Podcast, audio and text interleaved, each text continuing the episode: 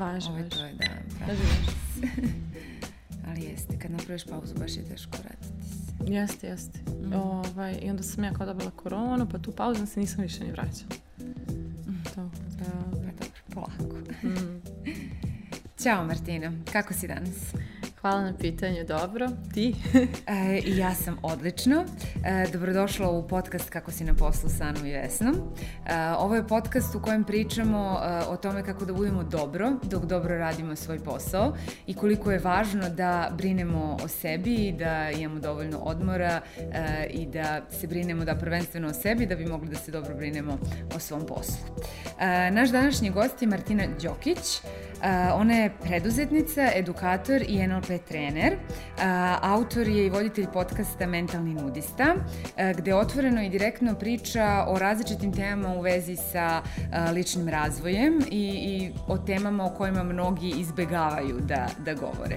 Uh, to je jedan i od razloga zato zašto sam te pozvala da budeš uh, gost ovde, uh, jer znam da vrlo direktno pričaš o temama o kojima mnogi ćute ili je mnogima neprijatno da, da o njima pričaju. Te, teme poput nesigurnosti, depresije, anksioznosti i strahova. Uh, ali prvo ćemo krenuti od nečeg vedrijeg. Uh, za početak, uh, jel možeš da nam detaljno ispričaš i objasniš čime se ti sve baviš? A, Probat ću, ali neću da budem predetaljna, pošto bi trajalo. Ali u suštini da, neko moje osnovno, da kažem, zanimanje je da sam NLP trener i to radim već dugi niz godina u, dugi, u dosta država i jako volim taj poziv i negdje ja sam ga malo prilagodila svojim nekim idejama, vrijednostima i slično, a to me pove, polako odvelo u pravcu preduzetništva gdje imam svoju kompaniju u Beču i jednu IT oblasti u edukaciji u Banja Luci i e, to su, kažem, neka moja osnovna znanja, zvanja. Mm -hmm. Pored toga sam kreator, odnosno volim da kreiram sadržaje koje prenose znanja ljudima, najviše iz oblasti ličnog razvoja i mentalnog zdravlja, jer je to nešto u čemu sam ja jako strastvena. Da, reci mi, NLP si spomenula da si, da si rekla sam da si NLP trener. Šta je NLP i kome on može da bude koristan? Pa obično kada ljudi završe NLP, bar u ovim grupama s kojima ja imam kontakt, uh, najčešći je komentar zašto se ovo ne uči u školi, tako da po tome možemo da kažemo da je koristan svima. A najlakši način da objasnimo tu metodologiju, pošto niti joj ime i šta govori, niti je lako razumjeti ovaj, taj pojam, ali možemo je objasniti najbolje kao upoznavanje svojih nesvjesnih procesa, svog nesvjesnog uma, načina razmišljanja, kako funkcionišu procesi unutar nas i ti emotivni i ti mentalni i samim tim kako upoznajemo sve to postajemo nekako vlasnik raznih nekih procesa koji se dešavaju u nama, a pošto je nesvesni um 95% naše ličnosti, znači svjesno je ovo u glavi što razmišljamo, to je samo 5% nas, e onda mi dobijamo priliku da proširimo i taj svjesni dio i da dobijemo neke opcije koje ranije nisu bile vidljive nama. Tako da upoznajemo sebe, a onda upoznajemo i svijet oko sebe na jedan novi način i novim očima i vidimo neke nove mogućnosti i načine koji ranije nisu bili vidljivi. Zanimljivo, to mi je baš ovaj fascinantan podatak da 90-95% čini nesvesno i koliko zapravo može nama da bude bolje kad krenemo da učimo o tome šta je to iz našeg nesvesnog, što nas pokreće i što utiče na, na to šta mi radimo. Upravo tako, upravo tako. Da, a e, spomenula si i preduzetništvo i kada smo pričali pre neki dan, e, spomenula si mi neki novi program koji pokrećeš i koji se zove Business Mindfulness, ako sam dobro tako zapamtila. Je. Jeste, jeste. E, jel možeš da nam kažeš više o tome, šta to uopšte znači i o čemu se to radi? E, mogu, vrlo rado. E, naime, ja sam 2018. živjela sam tada u Beogradu, a inače ja, ako čujete naglasak, iz, Bos iz Bosne sam. ovaj, I e, radila sam projekat u Beču, tamo sam pokrenula NLP na našem jeziku i pošto sam tako vođena tom motivacijom, inspiracijom, idejama koje sam imala, ja sam se naprasno preselila u Beč i otvorila tamo kompaniju. I onda je počeo taj veliki roller coaster, roller coaster emocija, strahova, nesigurnosti. Opet došla sam na strani teren gdje ne poznajem sistem ni jezik, pa je bilo onako dodatno zahtjevan taj put u preduzetništvu. I pošto se bavim ličnim razvojem i nesvjesnim umom, bilo mi je jako, reći ćemo, zanimljivo, ali bilo i strašno. E, primećivati te unutrašnje procese kroz koje se prolazi kada smo preduzetnici, te e, suočavanja sa svojim strahovima, to kako se naše nesigurnosti reflektuju na našu kompaniju kao i naše snage i odnosno koliko smo mi ti koji smo, to jest koliko je naša kompanija slika i prilika toga ko smo mi. Tako da će zapravo Business Mindfulness koji uskoro izlazi na YouTube-u biti niz uh, tema koje obrađuju emocionalnu stranu preduzetništva i kako da na, radom na sebi našu kompaniju učinimo i zdravijom i onako pametnijom, da tako kažem, i emocionalno inteligentnijom iznad svega. Zanimljivo. A recimo, možeš da podeliš nekoliko tih, na primer, pogrešnih uverenja ili nekih stvari koje nas koča kad uđemo u preduzetničku, evo što si spomenula, svi ti strahovi i sve to što se, nesigurnosti koje se dignu, koje su, na primer, neki najčešće stvari koje se javljaju, sa kojima si ti imala iskustva i verovatno i tvoji klijenti? Da, pa, e, na primjer, ja sam djete iz radničke porodice i moja velika tema je bio novac, jer sam ja živjela u univerzumu u kojem je to jako ti, jako ne, to jest nedostupna jedinica. ovaj, I onda recimo meni je uh, ulazak u preduzetništvo istrigerovao gomilu tih nekih negativnih uvjerenja koje imam na polju novca. S druge strane, uh, ja sam bila veliki people pleaser kroz život. Uh, to je onaj program gdje uvijek slušamo tuđe potrebe, ne čujemo sebe i e, recimo to se mnogo e, prikazalo kroz moju kompaniju gdje nisam postavila dobre granice.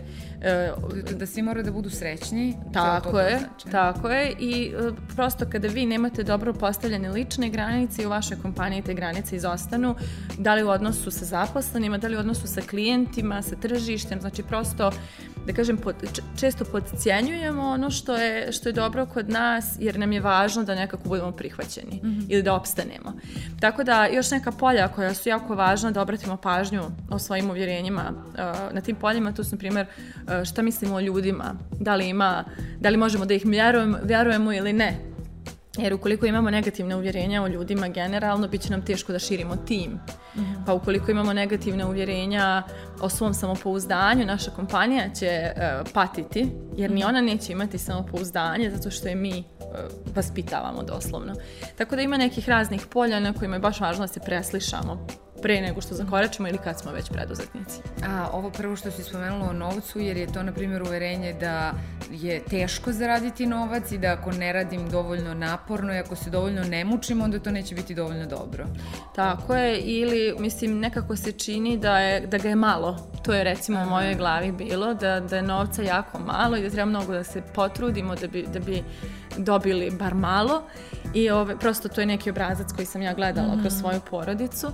Tako da, ovaj, da. Ili mm. recimo isto jedna od važnih tema pored novca je da li imamo um, onaj moment da moramo sve sami sa svojih deset prstiju, mm -hmm. jer tada zna da se desi da jako teško, da postanemo robovi svog sistema mm. praktično, da mi budemo ti koji, da ne umijemo da delegiramo, da širimo tim, da puštamo procese na nove ljude, da granamo svoje, mm. svoje procese u firmi i onda recimo često budemo u mnogo većem stresu nego da smo radili za nekog drugog. Mm -hmm. Da, često ljudi ulaze u burnout i u to sagorevanje na poslu zato što ne delegiraju i zato što ne traže pomoć i ne razmišljaju ko to može sve da uradi umesto mene, nego hoće da, da sve urade sami.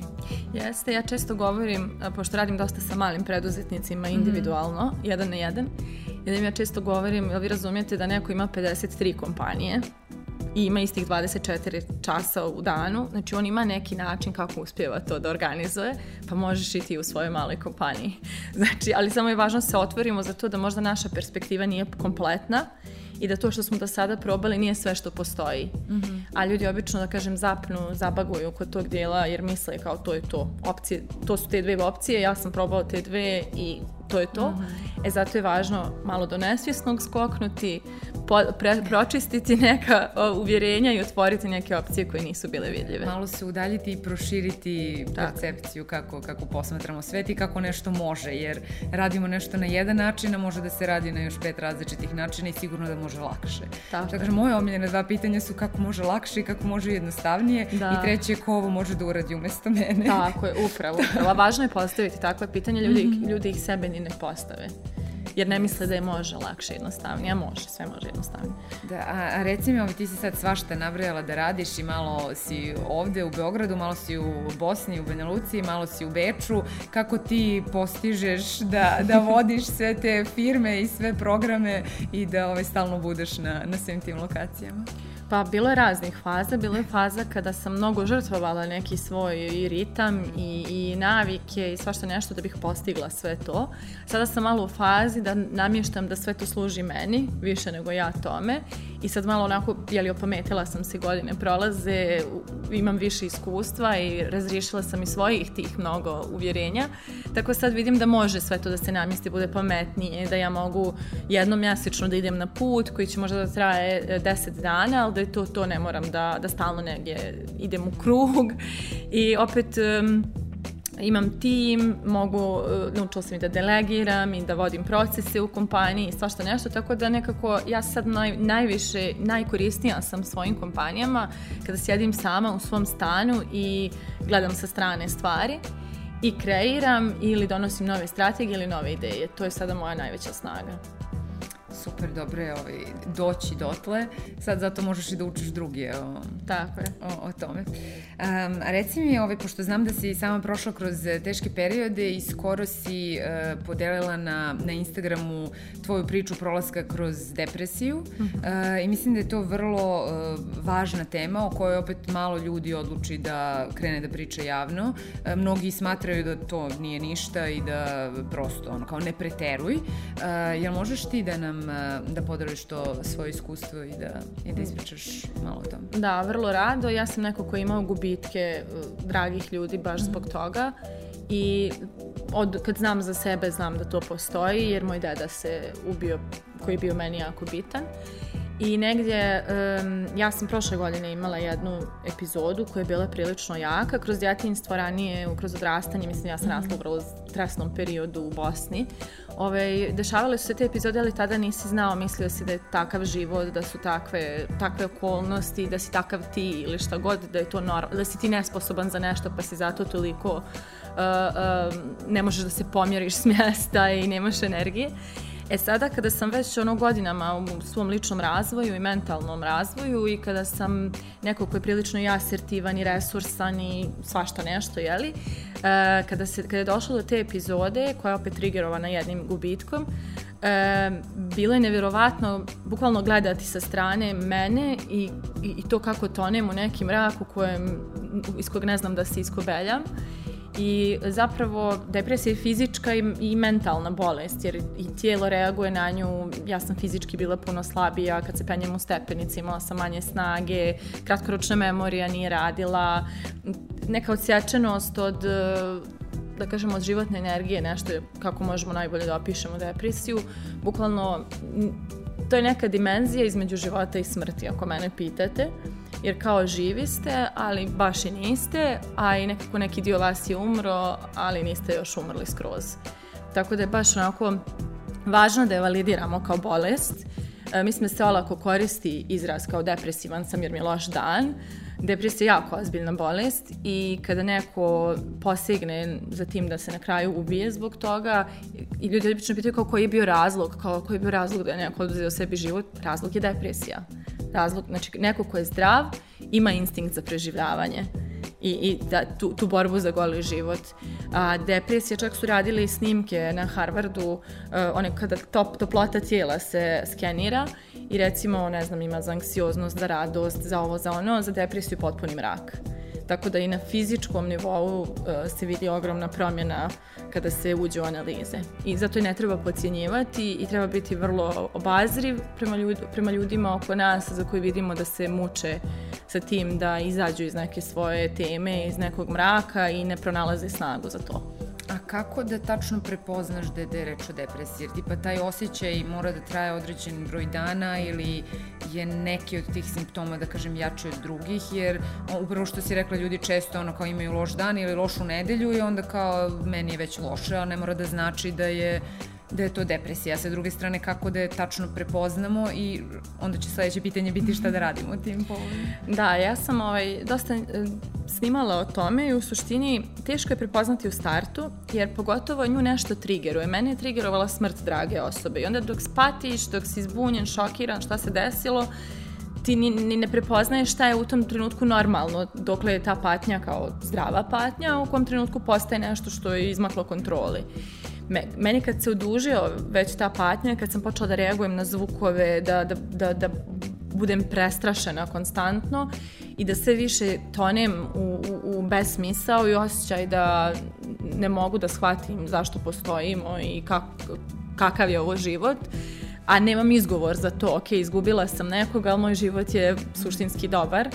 E, I meni je bilo najveći, znači taj moment kada sam shvatila da ja stvarno nemam snage da se pokrenem i ponovo nađem smisao u svom životu, iako logički, racionalno gledano, nemam razlog da se tako osjećam. I upravo taj osjećaj potpune tromosti i nemoći i često je velikog bola i težine je nešto što je depresija i recimo ta faza je normalna čak kada, ne, kada izgubimo nekog, pogotovo na tragičan način, postoji ta faza depresije koja, koja je iz patnje nastala. E sad neke depresije imaju i suicidnost u sebe, uz, uz sebe što je dodatan mm -hmm. signal da primetimo da, da smo stigli tu je kada krenemo da razmišljamo o tome kako bi bilo dobro da nas više nema. Mm -hmm. Tako da ovaj, taj, kada je potraje taj, to stanje potpunog besmisla i nedostatka motivacije, da spremimo sebi da jedemo, da ustanemo iz kreveta, da uđemo u neki dan, da, na, da u bilo kom danu nađemo bilo kakvu radost, znamo da već nije stvar neke, nekog problema, nego smo zagazili u dublji mrak. Jasno. Šta je onda prvi korak ka rešenju i šta je dobro raditi kad saznamo da, da smo tu? Uvijek tražiti pomoć. Znači, to je toliko važno. Ja sam imala ego do plafona kada sam, kada sam ušla u depresiju, zato što, za Boga, ja sam neko ko radi s ljudima. Ja treba, ja ne bi smjela ovako da se osjećam.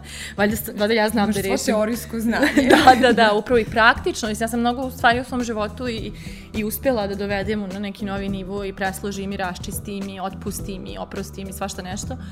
I e, meni je bilo strašno da shvatim da sam se našla na nekom mjestu gdje ne mogu ja iz svoje glave da reagujem i pomognem sebi.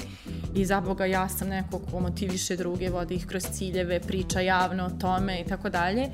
Međutim, došao je trenutak kad sam shvatila ja ću morati da potražim pomoć ako želim da ovo prođe, jer sama apsolutno se ne snalazim i to je najbolja odluka koju sam donijela u životu. I um, nakon toga sam je odlučila da javno pričam o tome, jer mislim da je jako važno da se diže svijest o ovoj bolesti iz razloga što ljudi umiru od nje, a nismo toga svjesni da kao čudimo se šta se desilo, mm -hmm. a desila se depresija. Da, a šta drugi ljudi oko tebe mogu da urade, mislim oko tebe, oko bilo koga koji u takvoj situaciji mogu da urade da pomognu? Jer sigurno da. ima i neko ko pokuša, ali pokuša možda na pogrešan način. Šta je Jest. dobar način da, po, pomoći mo, nekom? Uh, pogrešan način ću spomenuti, pošto je bitno, uh, savjetovanje, kao uh, možda bi ti bilo dobro da kreneš da treniraš, da jedeš zdravo, da malo više šetaš. Ja to govorim, to je kao da osobi koja ima temperaturu 40 i leži u krevetu, govoriš možda bi ti bilo malo dobro da malo jedeš zdravije. Jer kad je, kad je osoba fizički, fizički bolesna, ti joj se nađeš, doneseš joj šta joj treba. E na isti način treba da se odnosimo sa osobom koja je depresivna. Ona ima istu tu onemoćalost samo na emotivnom i mentalnom nivou. I e, znači šta, šta, kako mogu da ti pomognem, hoćeš da preuzmem neke obaveze koje ti imaš, hoćeš da ti da spremim ja nešto da jedeš, znači prosto e, daj, kako ja kažem, dajte malo svoje snage toj osobi, jer ona je nema. Isto kao kad je neko fizički bolestan, bukvalno identično. A koliko je vremena potrebno da se izađe iz te faze? Zavisi jako, mislim sad kao i sa svim bolestima, bukvalno. Sve bolesti na svijetu i, i teške i lakše nekoga drže jako dugo, evo korona je, svi smo različito prošli mm -hmm. kroz to, tako je sa depresijom, moja epizoda je trajala nekih mjeseci i po dana, nečija traje godinu, ne, neko ima deset godina uh, izazov s tim.